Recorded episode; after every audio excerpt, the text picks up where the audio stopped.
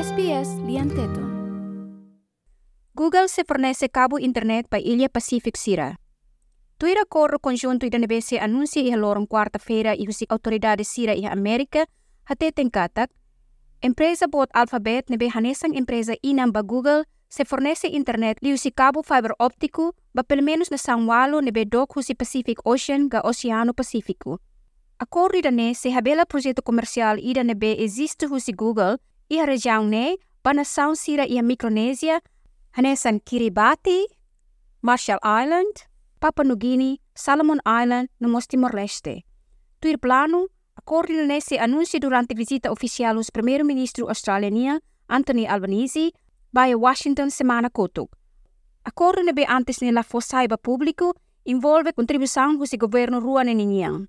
Tuir oficial administração senior ida hatete katak governo Austrália se contribui 50 milhão no governo Estados Unidos da América se aumenta tan 15 milhão. E tinang hirap ni larang na saung kik no dalaruma isolado e Pacífico serne hetang atenção makas nebe na saung hanesang Estados Unidos ho China tau atenção especial para desenvolvimento de infraestrutura no mos parceria militar sira.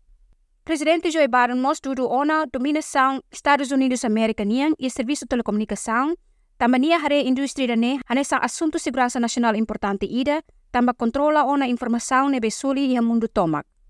Agora de Google serviço hela e cabo fibra óptico nebe liga Taiwan, ilha nebe China declara ona hanesang parte de sirenia, ho Filipina no Estados Unidos.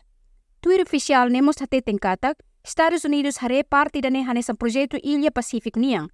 Sira se serviço mútuo com nação sira com a resiliência, para segurança cybersecurity, hori ajuda segurança informação chave, para rede Global Cloud Networks.